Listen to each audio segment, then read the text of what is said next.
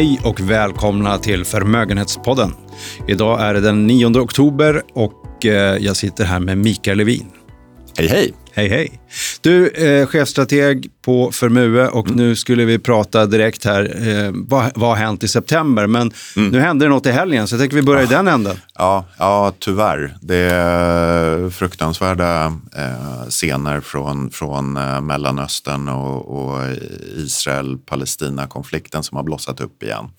Och eh, återigen, alldeles för tidigt att liksom dra några slutsatser. Och, och jag tror jag tidigare i podden har sagt att, att eller nästan skämsamt sagt att eh, för tre år sedan så var det många som var covid-experter och sen blev alla Ukraina-experter och nu eh, kanske vi riskerar då att alla ska bli Mellanöstern-experter och den fällan vill jag nog inte riktigt hamna i. Men eh, det är ju klart att, att den här ja, våldsamma utvecklingen i helgen den, den riskerar väl att få på sikt åtminstone en, en, en del konsekvenser. Problemet är att det är svårt liksom, att sätta ner foten eller ha en stark åsikt om vad de här konsekvenserna kommer att bli. Men några ringverkningar kommer det vara? Ja, eh, syns ju ganska tydligt idag då här på morgonen den nionde att, att eh, Eh, som vanligt frestas jag säga. När det kommer till Mellanöstern så, så är det ju oljan som, som eh, liksom tar den första reaktionen och oljepriserna har ju stuckit upp lite här under, under, under morgonen eh, med någonstans runt, runt 5 procent och det är väl en sån där, vad heter det, knee jerk reaction på något sätt. Eh, så det, det är väl det omedelbara. Men eh, återigen vad det här kommer att betyda rent geopolitiskt Eh, det är oerhört svårt att säga för att det, det åtminstone en del av det som jag har läst och sett under helgen tyder väl på att eh, Hamas, då, den här eh, terrororganisationen, eh, kanske inte eh, är kapabla att genomföra en sån här sak helt själva. Vilket indikerar då att andra kan vara inblandade.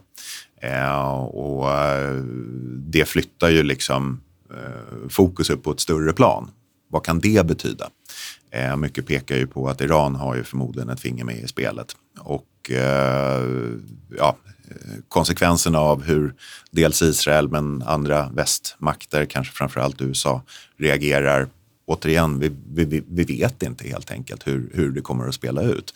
Men det blir ju på något sätt en, en osäkerhetsfaktor eller en, en, liksom, en, en negativ osäkerhetsfaktor som marknaden får, får helt enkelt försöka liksom ta hänsyn till. Ja, vi får se om det är drama queen igen, kanske mm. överreaktioner också, men mm. uh, vi får väl se hur det landar under veckan. Och ja. Jag tänkte slå ett slag för ditt veckobrev redan nu, för du skriver ja. ju veckobrev varje vecka mer ja. eller mindre. Precis. Och jag antar att den här veckan kommer det komma någonting uh, framåt fredag. Ja, det finns väl en ganska eh, överhängande, inte risk, men eh, sannolikhet att, att det blir någonting kring det här. Men som jag säger, det, det är ju liksom, det är ett oerhört flyktigt, flyktigt ämne. Eh, och det, det är liksom nästan omöjligt att kvantifiera. Det är ju inte så som om, om vi tittar på ja, en aktiemarknad och ha åsikter om dem utifrån värdering eller försäljning eller ja, saker vi kan sätta siffror på. Det här är ju, det här är ju någonting helt annat. Och eh, vi har ju nämnt det tidigare också i podden att, att vi, vi kommer ju från en geopolitisk regim eller period som har varit ganska lugn där vi har just sett på geopolitik som, som liksom brus. Att det har varit uppflammande saker under ett par dagar eller kanske till och med ett par veckor men sen har saker och ting återgått till det normala. Eh, de senaste åren så, så har den bilden förändras lite grann för vi har en mer multipolär värld idag med fler maktcentra eller starka stater än vad som var fallet tidigare.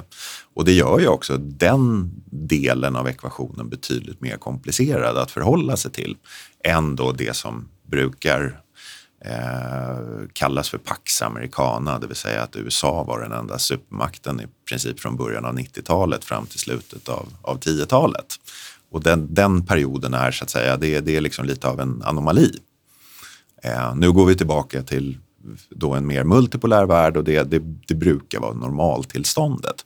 Och en multipolär värld är alltid mer friktionsfylld.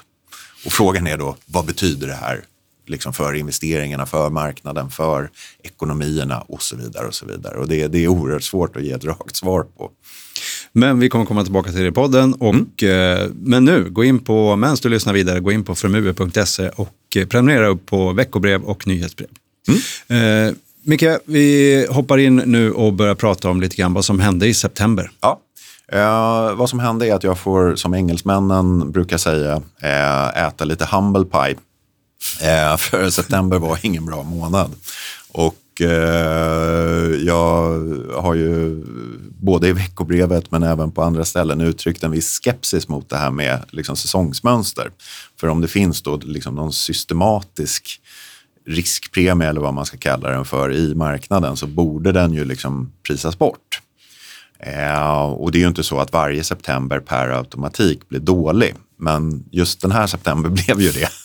så att, där, där, där var jag kanske lite, lite snett ute, även om man då såklart aldrig ska liksom se på sitt sparande eller sina investeringar utifrån en enskild månad.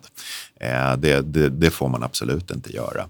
Men vi har ju haft en, en uh, utveckling här efter sommaren som, som har fokuserats väldigt, väldigt mycket på uh, just räntornas riktning.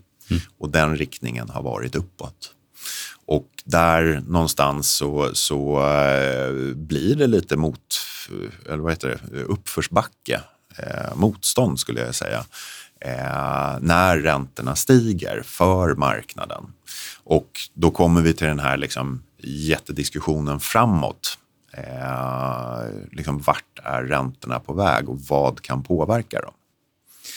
Jaha, men du, eh, vi ska väl inte fokusera sådär på enskilda månader? Nej. Du sa väl det lite grann nu också, men, ja. men liksom, vi måste ju höja blicken lite grann. Oh, ja. det brukar du alltid prata om, du får inte falla in för mycket i det där själv nu. Nej, Nej det, det, det är helt sant och, och det är ju därför vi också till våra kunder säger att, att man just inte ska ha det här kortsiktiga perspektivet och, och fatta snabba beslut på enskilda månader eller för den delen enskilda händelser. För att det har ju en tendens att, att kanske eh, mer förstöra i portföljen än att, att, eh, att förbättra. Men om vi tittar just lite framåt så, så är den här diskussionen kring vart räntan är på väg, den är oerhört viktig för hur det kommer gå för, för den globala ekonomin och i förlängningen då marknaderna. För att vi har ju, och det är ju inga nyheter vid det här eh, laget, eh, 2022 och hittills 2023 så har det ju varit väldigt starkt tryck uppåt på räntorna. Och det har varit liksom en ordentlig omställning för, för marknaden. Den omställningen tror jag för övrigt inte är helt klar. Det är en ny miljö för oss liksom, att hantera de här högre, högre räntorna. Eh, men hur mycket, eller hur mycket högre räntor tål marknaden innan saker och ting liksom börjar gå sönder?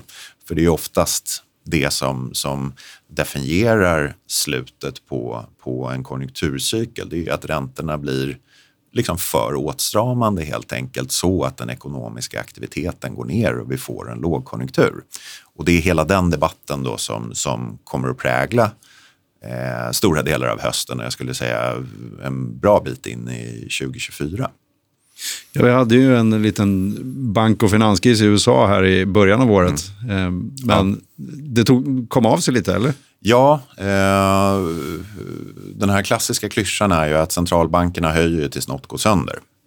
Och den frågan kom givetvis upp eh, här i mars då när, när de här två eh, bankerna. Silicon Valley Bank var väl en av dem. Ja, det, var det. det ja, eh, det är så märkligt för det, det är ju det är ju ett halvår sedan och vi har nästan glömt bort det redan att, mm. att, eh, att det hände.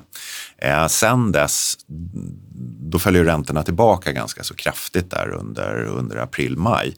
Men sen har vi haft liksom räntor som, som har fortsatt att klättra och eh, nu är de ju faktiskt på ja, nivåer som vi inte har sett eh, förrän innan finanskrisen. Eh, den amerikanska tioårsräntan då, som är liksom, ja, världens referensränta kan vi väl kalla den för. Den har ju klättrat upp till över 4,8 procent. Och det, det, är liksom, det är högt Eh, eh, kanske inte i ett historiskt perspektiv, men, men om vi tar för 2000-talet så, så är det rejält högt. De, de nivåerna har inte synts då sedan, 2007. Och det som kanske mest ja, slår mot marknaderna eller liksom skapar motstånd för marknaderna, det är att realräntorna har också klivit upp rejält högt. Och i USA så är de nu nästan på 2,5 procent om vi använder då nämnda tioårsränta och så drar vi bort då vad inflationsförväntningarna framåt kommer att vara. Och då hamnar vi på en realränta på 2,5 procent och det, det, det är åtstramande för ekonomin.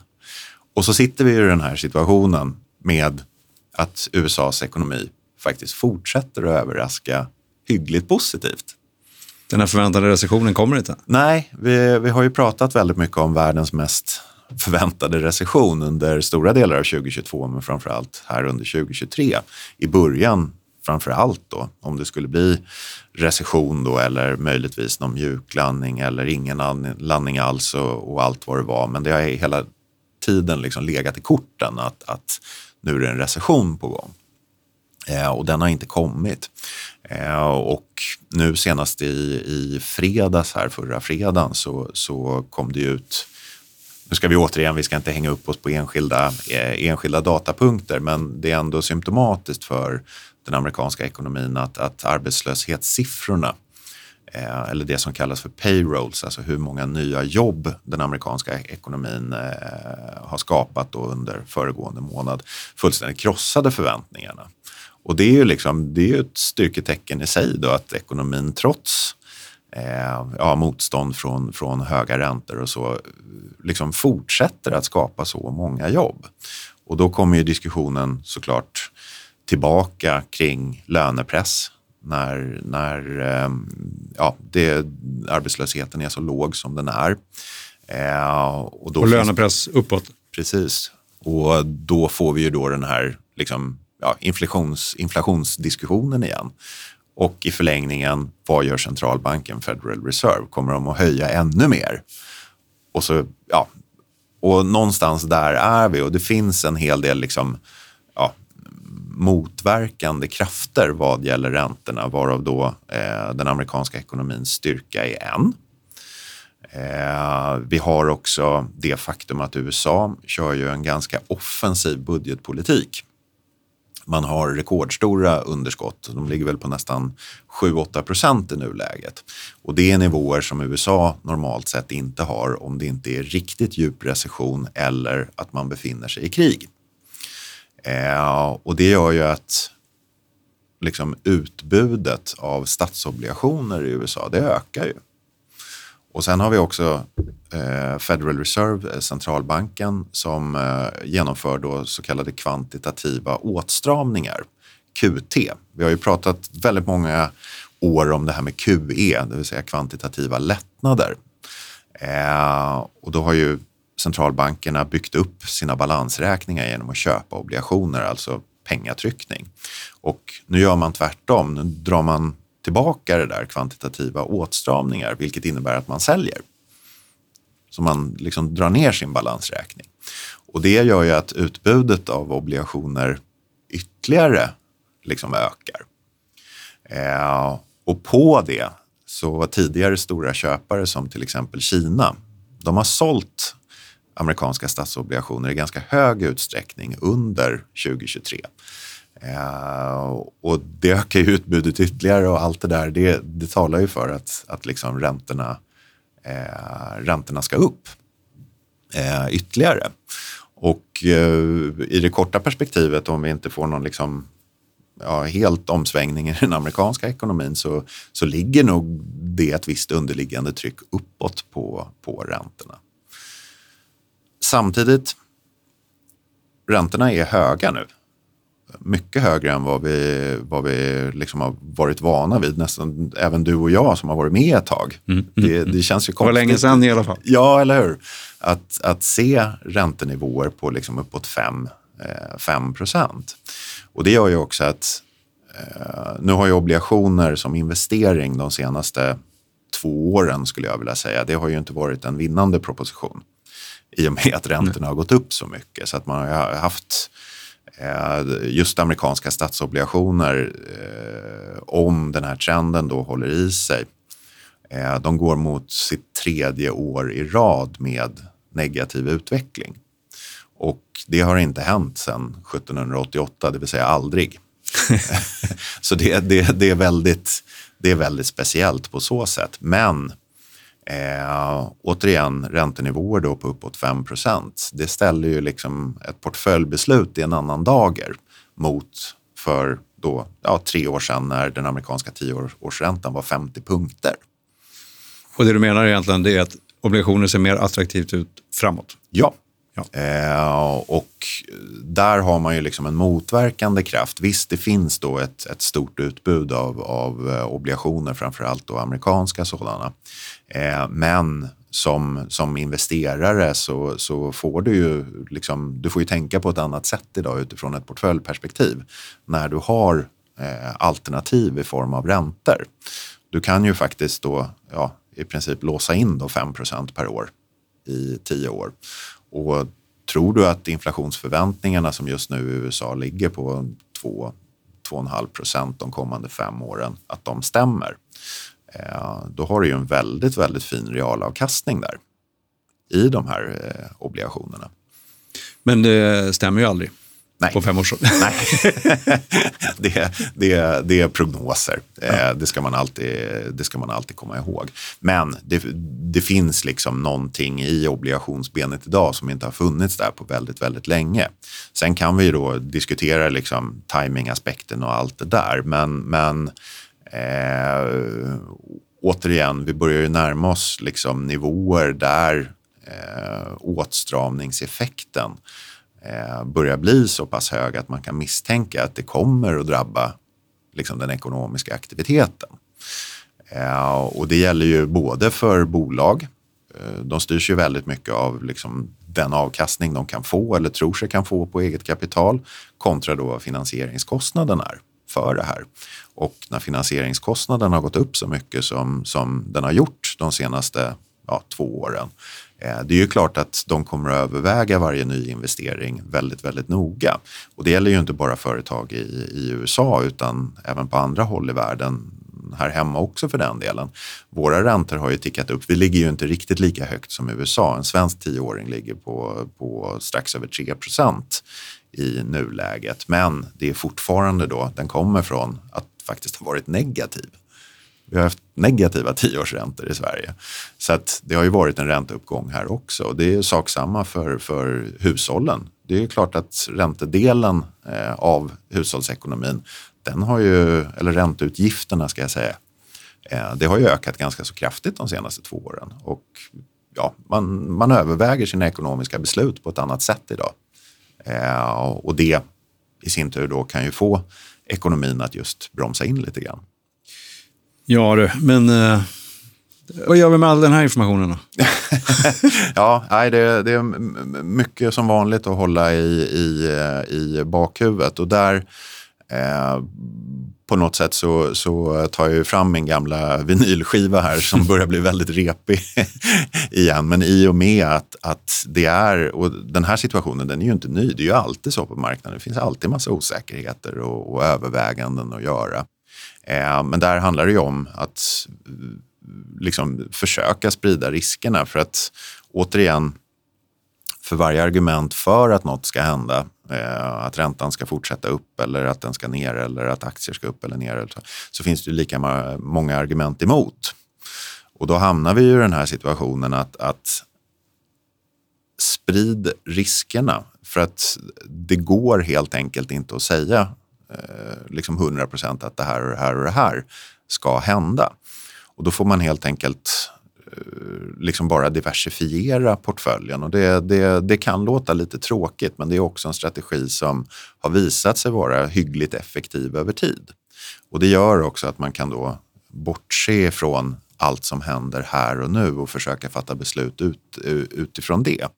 För att just det här kortsiktig aktivitet det funkar för vissa, men jag skulle vilja säga att, att för de allra flesta så är det nog bättre att ha just en diversifierad portfölj som stämmer någorlunda överens med vad du tål, tål riskmässigt över tid.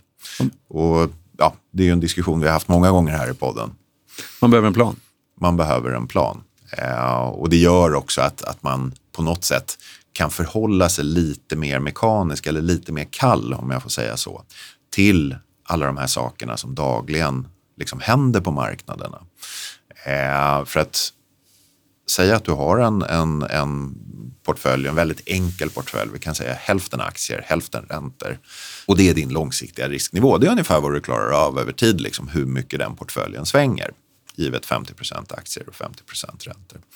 Och visar det sig då att ett enskilt år att aktiemarknaden går jättebra, då kanske du helt plötsligt sitter med en portfölj som har 60% aktier och 40% räntor. Och då är det ju din långsiktiga risknivå som styr. Och då behöver du inte liksom ta något känslomässigt eller något timingmässigt beslut att gå tillbaka till 50-50, utan du har en mer mekanisk syn på det för att det är din långsiktiga risknivå som ska styra snarare än vad du tror om marknaden här och nu.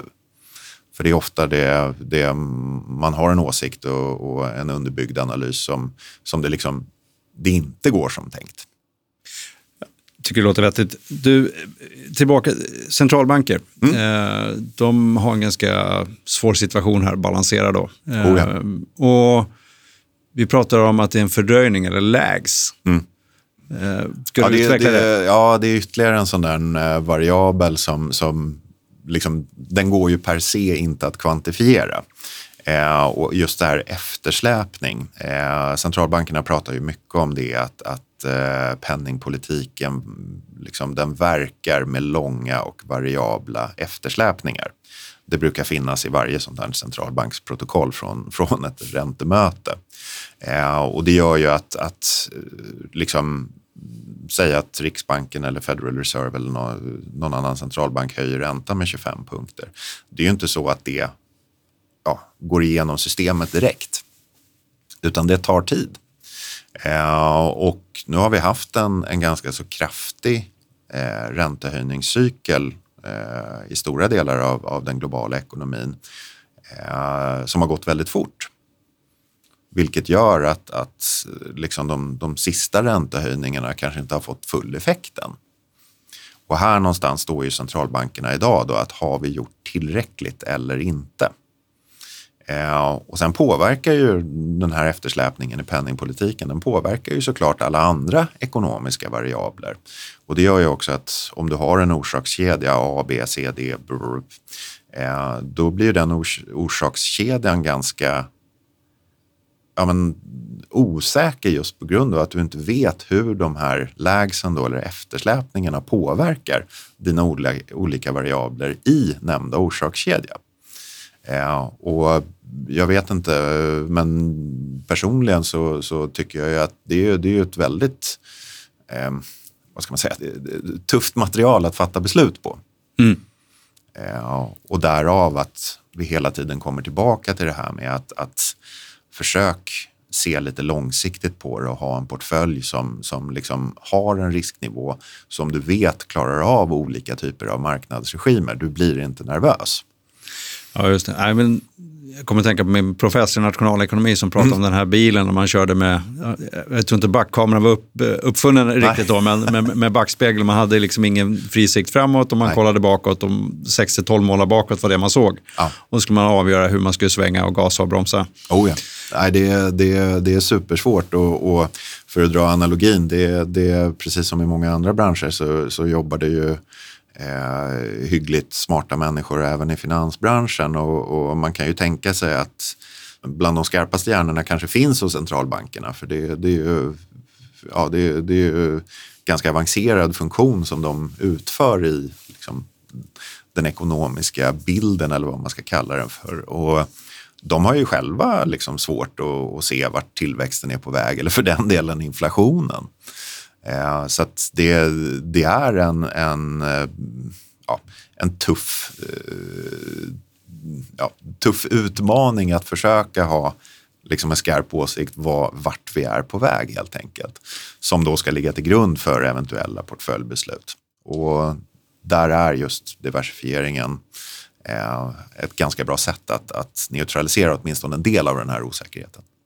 Okej, det är räntor, räntor och räntor. Ja. Eh, Men I ska vi, gå in, i princip. Ja. ska vi gå in på morgonens tema? Vad har, Ja. vad har du för oss idag? Eh, ja, men vi, vi har varit igenom en del av det tror jag indirekt i, i diskussionen hittills. Men det, det är just det här, eh, jag gillar ju den här gamla amerikanska base, baseballcoachen Yogi Berra.